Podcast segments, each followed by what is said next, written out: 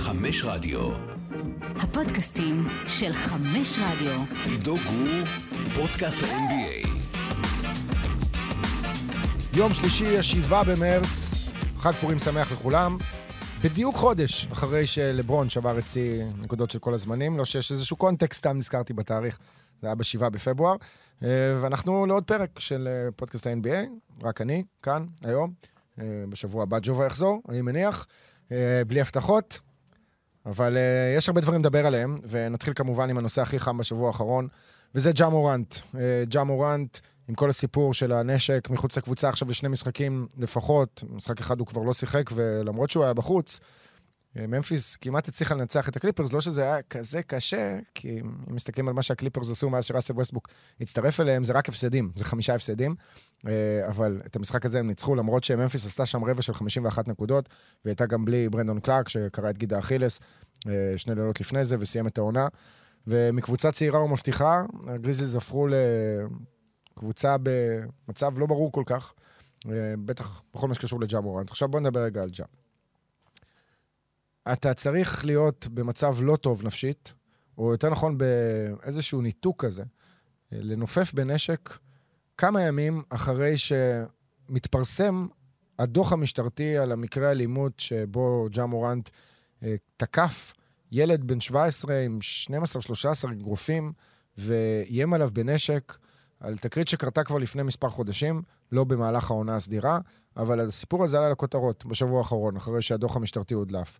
ולעשות את מה שג'ה עשה כמה ימים אחרי, מוכיח שמישהו פה לא כל כך מחובר, ואני חושב שזאת הסיבה שראינו יחסית התגייסות אה, לצידו של ג'ה מורנט, מצד אנשי NBA, שהבינו מראש שמדובר באיזושהי בעיה שצריך לטפל בה. ומורנט לפחות לקח אחריות. עכשיו, בואו, צריך להגיד משהו על לקיחת האחריות הזאת. האיש הזה מוקף בהמון יועצים, בין אם זה אנשים מטעמו, אנשים מטעם הגריזליז או מטעם ה-NBA. ולא בטוח שההתנצלות הזאת איזושהי אה, מחשבה שעלתה לו בראש ותחושה שהוא צריך לתקן את הדברים שהוא עשה, אלא יותר לכיוון אנשים שהנחיתו לו את זה עליו, או אה, פחות או יותר הציבו בפניו עובדה. אתה חייב להעלות את ההתנצלות הזאת, אחרת... אה, יכול להיות שהקריירה שלך ב-NBA תתקצר דרמטית, אם תמשיך להתנהל ככה. אה, יש גם את הקטע הזה של הרבה אנשים שבאים להגנתו נגיד את זה ככה, כי הם אה, מסתכלים על החיים הקשים שהוא עבר, ועל השכונה שהוא גדל בה, ועל היריות, והחברים אה, מסביב, הגנגסטרים, או whatever. טוב, בואו, שנייה, ג'ה מורנט גדל בצורה אחרת לגמרי, בבית מכבד, מכבד, אני אומר, בבית... אה, בית טוב, בית טוב, פשוט בית טוב. אה, תראו את התמונות שלו, הוא למד בבתי ספר פרטיים. זאת אומרת, לא היו לו חברים gangsters שלמדו איתו, שהוציאו אותו מהשכונה, והוא בא בלי אבא, בלי אימא, יתום, whatever. לא, זה לא המצב. אה, משהו קרה לג'ה מורן תוך כדי הדרך, ב-NBA, אולי קצת לפני אפילו, בקולג', כששיחק במארי סטייד, וחוסר יכולת שלו להבין שהוא חייב, חייב לשנות את אורח החיים שלו, וגם את האנשים שמקיפים אותו, זה, זה משהו שבלתי נתפס, גם בלי קשר לסאגה הזאת ולפרשה הזאת. עכשיו, יכול להיות שהוא יסתבך אה, הרבה יותר ממה שנראה לעין כרגע, כי משטרת דנבר בוחנת את המקרה הזה, משטרת גלנדייל, אה, צריך לציין, המחוז שבו הוא שהה בזמן שהעלה את הסרטון הזה, זה היה ברחוב גלנדל, באזור כזה בדנבר שיש בו הרבה מועדוני חשפנות ומסעדות ודברים מהסוג הזה. עכשיו, לפי החוקים במדינת קולורדו, אתה יכול להסתובב עם נשק, זאת אומרת, אתה לא צריך, אתה יכול לעבור מנש, ממדינה אחרת עם נשק לקולורדו, אבל אתה צריך שיהיה לך קודם כל רישיון לנשיאת נשק, זה דבר אחד. אה, וצריך לבדוק את זה ולא לראות שהוא, ולראות שהוא לא עבר על החוקים.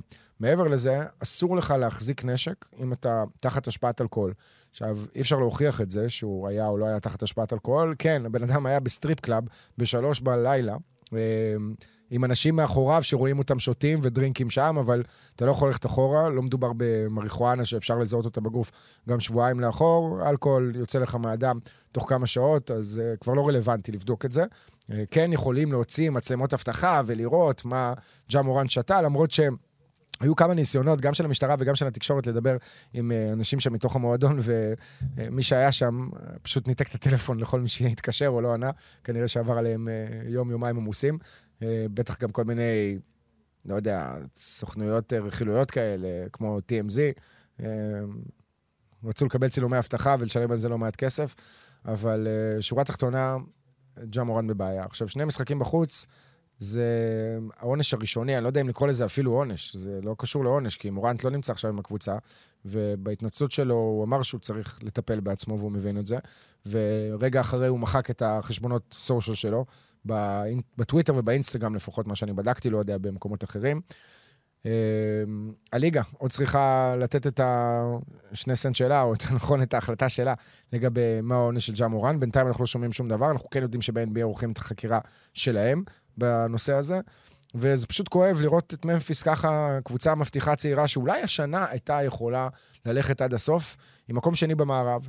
אה, אבל עכשיו, גם עם הסיפור הזה של ג'ה, וגם עם הסיפור של ברנדון קלארק, ובכלל, כשמסתכלים על מורנט קדימה, הוא כוכב כל כך ענק.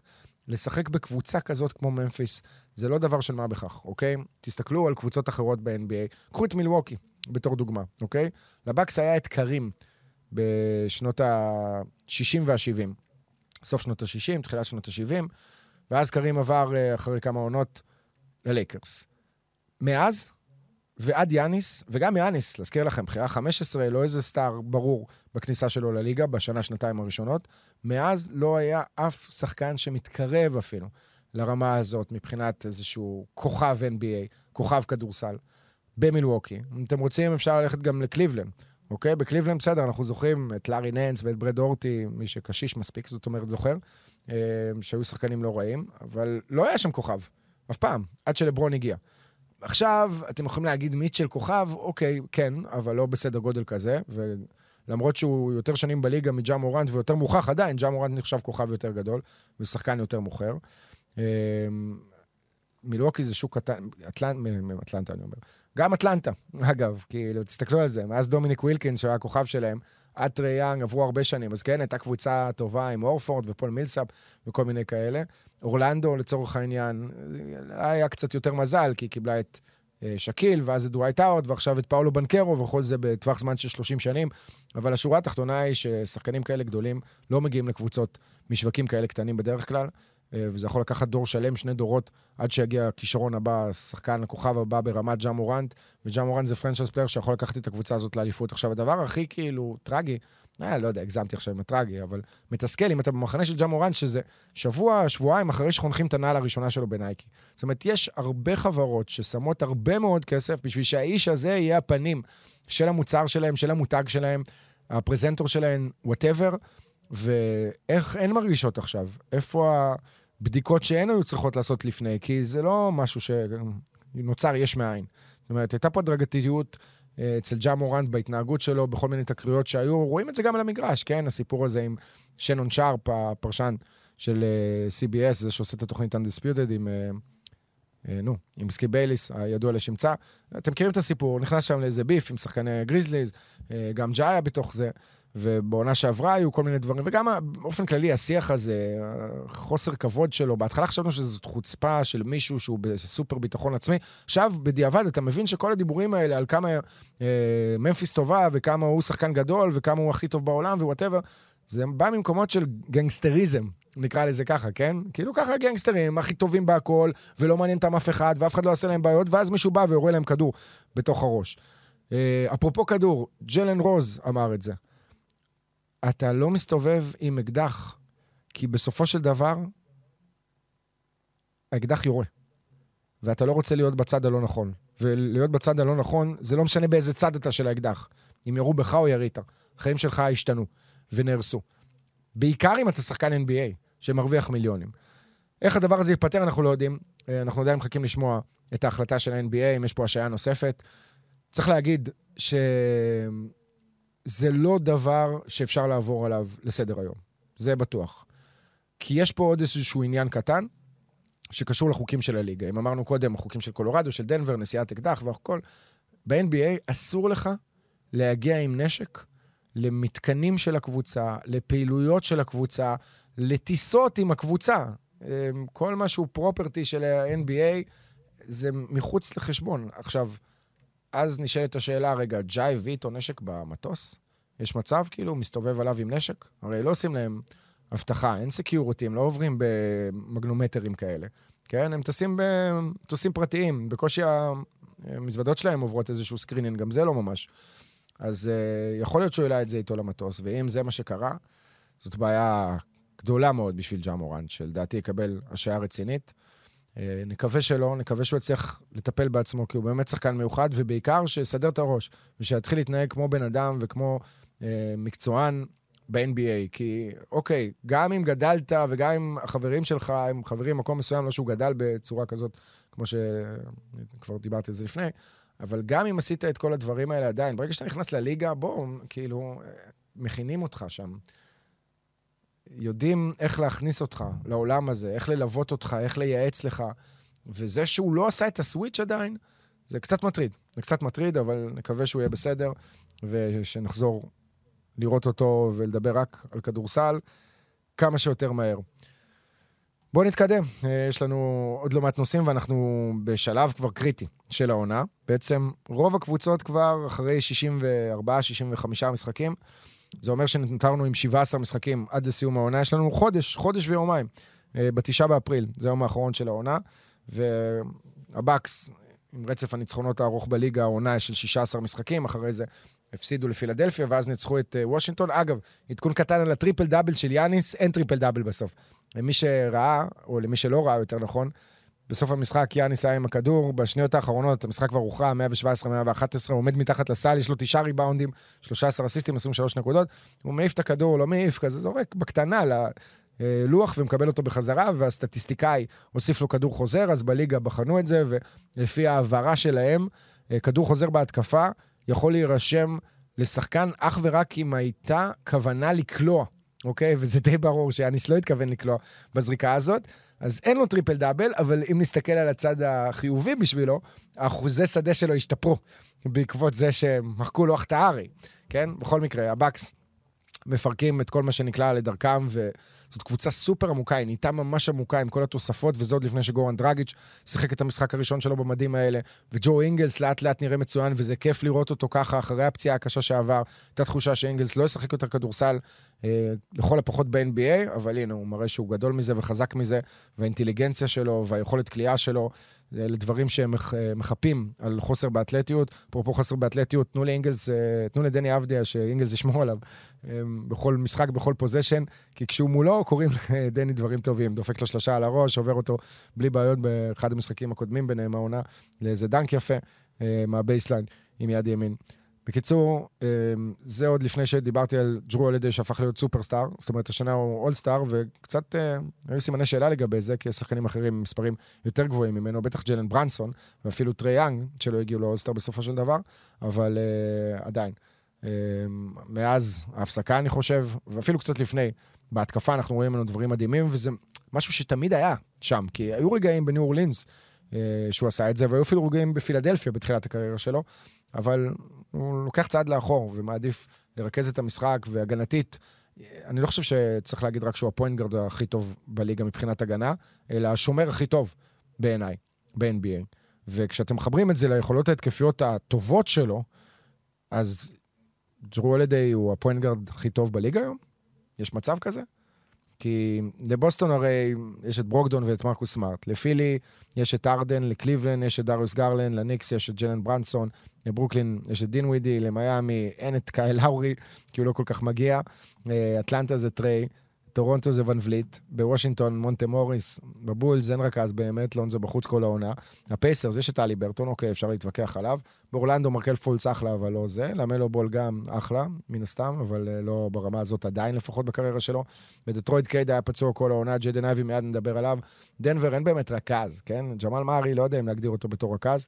בממפיס דיברנו, ג'ה מורנט, דיארון פוקס העונה נותן אה, שנה שאולי משתווה לג'רו הולידיי. פיניקס, קריס פול בירידה, גולדן סטייט, סטף קרי, מעט מדי משחקים. מינסוטה היה אה, דיאנג'לו ראסל, עבר ללייקרס, לא רלוונטי, גם מייק קונלי. אה, שכחתי איזה, את לוקה, כן. כנראה שלוקה עדיין רכז יותר טוב מג'רו זה בעצם לא בטוח, כן? כי לוקה לא שומר באותה צורה. קיצור, עברתי פה על הכל, רק את אה, SGA אני צריך להוסיף, כי הוא גם חתיכת רכז. מצד שני, סימי כועס עליי, אומר שהוא לא רכז, שגידי הוא הרכז. אצל הקליפרס, תסלחו לי, שאם אני לא אציין את השם של ראסל ווסטבוק ושל קווין פורטר ג'וניור, אבל ציינתי, אז מה זה השטויות האלה? קיצור, הולדיי מדהים, אבל אני בכלל לא מתכוון לדבר על אה, מילווקי, אני מתגלגל פה מנושא לנושא. אה, רציתי לדבר על הניקס. הניו יורק ניקס, שכרגע נמצאים במקום החמישי במזרח עם רצף הניצחונות הארוך ביותר ב-NBA, כרגע, עם תשעה ניצחונות רצופים. כל זה התחיל מהדדליין. זאת אומרת, ג'וש ארט עדיין לא הפסיד משחק במדעי הניו יורק ניקס, והם במרחק של משחק וחצי בלבד מקליבלנד, שנמצאת במקום הרביעי, ואתמול ניצחה אחרי הערכה בבית את בוסטון.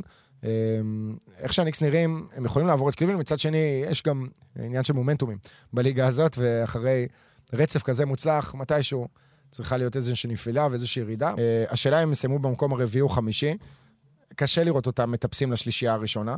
אה, זה בינם לבין קליבלנד כרגע, והדבר המעניין זה ששתי הקבוצות האלה ככל הנראה גם ייפגשו בסיבוב הראשון של הפלייאוף, וזה יהיה דונובין מיטשל מול הניקס, המקום שאליו הוא כביכול היה אמור להגיע בקיץ, העסקה שנפלה בגלל אר-ג'יי בארט, ומי יודע היה שם, אני חושב שזה היה קווינטון גריימס שעושה עבודה טובה בהגנה, בהתקפה תלוי באיזה יום תופסים אותו, אבל אה, הניקס ברצף ניצחונות הזה שלהם, מוכיחים הרבה מאוד אופי. קודם כל, הם ניצחו את בוסטון בחוץ אחרי שתי הארכות במשחק מפואר בלי ג'לן ברנסון, שאי אפשר להתווכח על זה שהוא השחקן הכי טוב שם העונה. אתם יודעים מה? יחד עם רנדל, כן, גם רנדל מפלצת.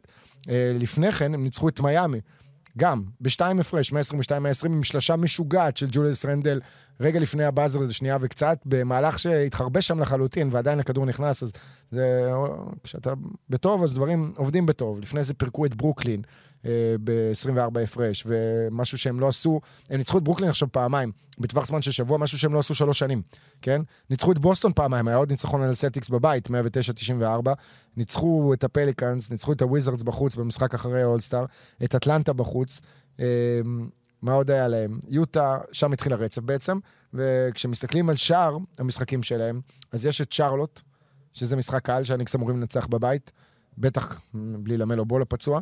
ואז יש להם משחק חוץ נגד סקרמנטו, ששוב, אני רוצה להזכיר, אם לא ראיתם את הסרט של מתיו מקוני וקייט הדסון, קוראים לה? הדסון? לא זוכר, הבת של גולדי הון, שיחקה ב Almost Famous. איך להיפטר מבחור בעשרה ימים. אמ, תסריט נחמד על... אה, איזושהי כותבת טורים, ש... טוב, נו, מה אני חופר לכם על התסריט? לכו תראו את הסרט. קומדיה רומנטית מגניבה, הקטע שהיא מתרחשת על רקע סדרת הגמר של ה-NBA, במשחק הראשון, הם הולכים שם ל... יש מצב שדיברתי על זה בפודקאסט האחרון, אני, וואו, אני, הזיכרון שלי על הפנים. אם כן, שמישהו יכתוב לי. אם לא, זה, אז אני אוסיף, אני אחזור על זה פעם אחרונה. אה, על רקע של סדרת גמר בין הניקס לסקרמנטו. טוב, נראה לי שעכשיו אני זוכר שאמרתי את זה כבר. קיצר, זה מתחיל מסע חוץ במערב, של ארבעה משחקים בסך הכל נגד סקרמנטו, נגד הקליפרס, נגד הלייקרס ונגד פורטלנד, ואז חוזרים הביתה לשחק נגד דנבר, נגד מינסוטה. זאת אומרת, שאני מדבר על המשחקים הבאים שלהם, מינוס שרלוט, כל הקבוצות פה הן קבוצות שמשחקות על, על מיקומים, על כניסה ל play-in, על כניסה לפלייאוף וכולי. ואז אחרי זה יש משחק חוץ נגד מיאמי. אה, סיום העונה הוא יחסית נוח בשביל הניקס, כי הם פוגשים פעמיים את אינדיאנה, את וושינגטון ואת ניו אורלין, זה המשחקים האחרונים שלהם, ולפני זה יש להם את קליבלין ומיאמי, שזה שתי יריבות ישירות פחות או יותר על המיקומים. אז uh, מבחינת הלו"ז הזה, כמו שאמרתי, יש מומנטום, וברגעים מסוימים המומנטום נגמר, אין מה לעשות, ככה זה בחיים, בכל דבר. אה, ואז, אחרי שזה קורה, הניקס אמורים להפסיד כמה משחקים, אבל אם הם יצאו מהמסע החוץ הזה, אה, נגד סקרמנטו ונגד הקליפרס, בניצחונות, ותוסיפו שם עוד איזה ניצחון בחוץ, אה, שלושה מתוך ארבעה משחקים, אז יש סיכוי גבוה שהם יסיימו גם במקום הרביעי ויעקפו את קליבלנד. ונראה את שתי הקבוצות האלה בכל מקרה בסיבוב הראשון של הפלייאוף. אה, כיף לראות את ניו יורק משחקת כדורסל טוב, כדורסל עם אנרגיות, עם חיבור. יש אווירה בקבוצה, יש שפת גוף מדהימה, וזה משהו שלא ראינו שם, מאז שנות ה-90. נכון, הייתה את הקבוצה של כרמלו אנטוני ואמרי סטודמאייר ואימאן שאמפרט בעונות הראשונות שלו בליגה, ואני לא כל כך זוכר עוד מי היה שם, אה, אבל הקבוצה הזאת הייתה קבוצה מגניבה, עם ג'יי אר סמית עוד ומוזגוב לפני שהם עברו ב trade לקליבלנד. אה, קבוצה שסיימה, אם אני לא טועה, זה עונה במקום הראשון במזרח, אה, אבל הפסידה בסיבוב הראשון או השני, בשני, ובפלייאוף היא קרסה, כן? היו לה כמה רגעים במהלך העונה הסדירה, אבל זאת לא קבוצה ברמה הזאת. ובשנות ה-90 יש את הקבוצה שהגיעה לגמר, גם ב-99 שהיא הייתה קצת פחות טובה, זאת ב-94 הייתה קבוצה מדהימה עם אה, דרק הרפר וג'ון סטארקס ופטריק יואינג וצ'ארלס אוקלי. ועוד לא מעט שחקנים טובים שהיו שם. מה אני אגיד לכם? אה, כיף, כיף, כיף לראות את הקבוצה הזאת ככה, וכיף לראות את ג'וליאס רנדל ככה, כי הייתה לו עונת אה, פריצה מדהימה לפני שנתיים, שהוא זכה בתואר השחקן המשתפר של העונה. שנה הוא הקלה מוביל של הניקס עם 25 נקודות וחצי למשחק, הוא ריבאונדר מוביל עם עשרה ריבאונדים וחצי. הוא מוסר האסיסטים השני הכי טוב בקבוצה אחרי ג'לן ברנסון, עם אה, 4.2, סליחה, רגע, כמה קוויקלי. ברח לי קוויקלי מהרשימה כאן, הוא מוסר יותר מקוויקלי. קוויקלי עם אה, קצת מעל לשלושה אסיסטים. אה, קצת יכול להשתפר בכל מה שקשור לחסימות וחטיפות, אבל לא מאבד הרבה העונה, פחות משלושה עיבודים, ואחוזים טובים מחוץ לקשת, 35.5 אחוז, כשאתה זורק מעל לשמונה פעמים במשחק, הוא קולע שלוש שלושות במשחק, שזה הרבה מאוד, וראינו את השלושת ניצחון הזאת גם, שהזכרתי נגד מיאמי. בקיצור, דברים טובים קורים בניו יורק, והדברים האלה יכולים להיות שווים אפילו גמר מזרח. ואולי יותר רחוק. אה, אתם מסתכלים על המצ'אפ של הניקס נגד הסלטיקס, בהנחה ששתי הקבוצות האלו האלה ייפגשו בחצי גמר מזרח, אז יש להם מצ'אפ טוב מאוד. נגד פילי ונגד אה, מילווקי, קצת פחות טוב, לדעתי זה נוטה לטובתן של שתי הקבוצות האחרות, ועדיין. אה, יש פה סוג של התחלה של קונטנדרית, אוקיי? אמנם עם סיכויים נמוכים, אבל איך שהיא משחקת ואיך שהיא נראית, לכו תדעו. ומילה אחרונה באמת על אה, עמנואל קוויקלי, כי הוא חוויה, הסגנון שבו הוא משחק. הכל נקי כזה, הכל זורם כזה. בניצחון על בוסטון הוא כלל את שבע הנקודות הראשונות בהערכה השנייה, סיים עם 38, זה שיא קריירה שלו. הוא מחייך, הוא מדביק את כולם בווייבים שלו, ב... אה, בחיוך הזה. אין, אין, כשאתה רואה מישהו מחייך כשהוא משחק, אז אתה נהנה, זה עובר אוטומטית ישר אליך. כמו שכשאני רואה את מנור סולומון מחייך, אני, בלי ששמתי לב, מסתבר שאני כאילו כבר כמה פעמים מצייץ עליו שאני מאוהב בו, אני שוכח שצייצתי ציוצים קודמים, אבל החיוך שלו, משהו עושה לי את זה בחיוך שלו. האמת שגם בחיוך של דני, אני מת על דני, כשהוא שמח, והוא בטרשטוק ובצחוקים, ורואים אותו עם, מדבר עם שחקנים אחרים, בבדיחות פה ושם. אמ, אז שיחייכו, כולם. כמה שיותר. בואו, לסיום, הפודקאסט הקצר הזה, אה, נדבר קצת על אה, מחזור דראפט 2022, אה, שאנחנו עכשיו חודש לפני סיום העונה, וכבר אפשר פחות או יותר לסגור את הסיפור. זאת אומרת, אפשר היה לסגור את הסיפור גם אחרי חודש, למרות שיש לנו איזשהו מתחרה חדש, שקוראים לאיש הזה ג'יילן וויליאמס, הבחירה ה-12 בדראפט. שחקנה של אוקלאומה סיטי, בארבעת המשחקים האחרונים לא ירד מ-24 נקודות. היה לו משחק של 32 נקודות, שזה שיא קריירה בשנה היחידה שלו בליגה, ובאופן כללי הוא נראה פשוט מצוין. אה, בבגרות שלו, ביכולת שלו לשלוט בקצב המשחק, בהגנה הפנטסטית שלו. שחקן two-way, מוכשר התקפית, דברים שלא ידענו, וכרגע הוא השחקן השני הכי טוב במחזור הזה. נכון שצ'ט הולמגרן לא שיחק משחק, כי הוא פצוע, אבל אה, אחרי עונה אחת, אין ויכוח. ג'בארי סמית די מאכזב, כמו כל יוסטון. קיגן מרי, אחלה, אבל הוא בקבוצה עם הרבה מאוד שחקנים טובים וסקוררים, וזה לא רק דיארון פוקס וסבוניס שפותחים איתו בחמישייה, קווין הרטר, היה מצוין, והריסון בארנס הוא גם חתיכת scorer, ואז עולים לך מהספסל, שחקנים כמו מליק מונק וכמו טרנס דייוויס, שאוהבים לשים את הכדור בסל ולקחת אותו לשם. אה, זה לא כל כך קשה, אה, לא כל כך קל לפרוץ ולהתבלט בקבוצה הזאת, ועדיין הוא עושה ממוצע של 12 נקודות במשחק, מה שמסדר אותו, מה שמסדר במקום חמישי אה, ב rookies מבחינת הקלעים. אגב, נעבור לרשימה הזאת, בנקרו ראשון עם ממוצע של 20, בן מטורין עם 17, ג'יידן אייבי עם 15, ג'יילן וויליאמס 13 וחצי, קיגן מארי עם 12, ג'בארי סמית עשירית הנקודה פחות, וג'רמי סוהאן עם 10 נקודות וחצי, אחרי זה כבר יורדים לחד ספרתי, מלאקי ברנהיים של סן אנטוניו, טארי איסון של יוסטון, אייג'י גריפין, כולם באזורים של 9 נקודות, 8 נקודות, 7. אה, ג'לן דורן, בחירה 11, סליחה, אה, מקום 11 אה, ברשימת הקלעים של ה rookies. מרק וויליאמס, ווקר קסלר, הסנטרים, אנדרו נמברד, שדון שרפ, הבחירה השביעית, השביעית. רק במקום ה-15, קצת פחות משמונה נקודות למשחק, שזה עולה טיפה מאכזב. לגבי כל השאר לא היו מהם ציפיות יותר מדי, וכשאנחנו מסתכלים על rookies בליגה השנה, יש לנו 50 כאלה, שכמעט כולם מהדראפט. ויש עוד איזה כמה שזאת העונה הראשונה שלהם ב-NBA, כמו סימונה פונטקיו, לדוגמה, האיטלקי. אגב, סימונה פונטקיו, אה, הוא נמצא במקום ה-31 ברשימת הקלעים של ה rookies, עם ממוצע של 4.1 נקודות למשחק. הוא עושה את זה בקצת מעל 10 אה, דקות בממוצע, אבל היה לו סל ניצחון בעונת ה rookie שלו, אז זה כבר משהו. ג'יידן אייבי, ג'דן אייבי, אמרנו, 15 נקודות בממוצע, נראה לא רע בכמה משחקים, אבל באופן כללי די מאכזב, כי הייתה לו את הבמה כל השנה הזאת לעשות מה שהוא רוצה בקבוצה שאין בה כלום, אה, בקבוצה שבה קייד קנינגהם נפצע, וג'רמי גרנט עבר ב trade בקיץ, וסדיק ביי עבר ב trade עכשיו, וגם סדיק ביי בעונה לא ממש טובה, זאת הסיבה שהוא עבר ב trade. שחקן ששנה שעברה קלה 52 נקודות, השנה מצא את עצמו פותח בחמישייה, ואז עולה מהספסל, ויכול להיות שזה גם באשמת דטרויט שהביאה את בויאן בוגדנוביץ', לא ברור לאיזה מטרה בכלל, אם היא לא העבירה אותו ב trade עד עכשיו. אז אולי בוגדנוביץ' במקום מסוים היה אמור להיות ה veteran שעוזר לצעירים, ואני כן יכול להבין את ההיגיון שיש בזה, בניגוד נגיד למה שקורה ביוסטון, שם לא היה מבוגר אחראי, היה את אריק גורדון, אבל הוא לא רצה ממש להיות המבוגר אחראי, וכבר עבר ב trade בעצמו לקליפרס. זהו, לגבי דטרויט וההחלטה שלה להחתים את בוגדנוביץ' במאזן, אנחנו רואים שזה לא נראה טוב, כן? פיסטונסים במאזן הכי פחות טוב ב-NBA. אה, יוסטון לא כל כך רחוקה מהם. בן מטורין, scorer, אה, בשלב מסוים חשבנו על אם הוא יכול להיות rookie העונה, לא. אם הוא יכול להיות השחקן השישי של העונה, משהו שקרה פעם בהיסטוריה, ש rookie שלא נבחר בתור rookie העונה זכה בתור השחקן השישי, זה בן גורדון. זה היה ב-2005, אחרי שלקח אליפות עם קונטיקט.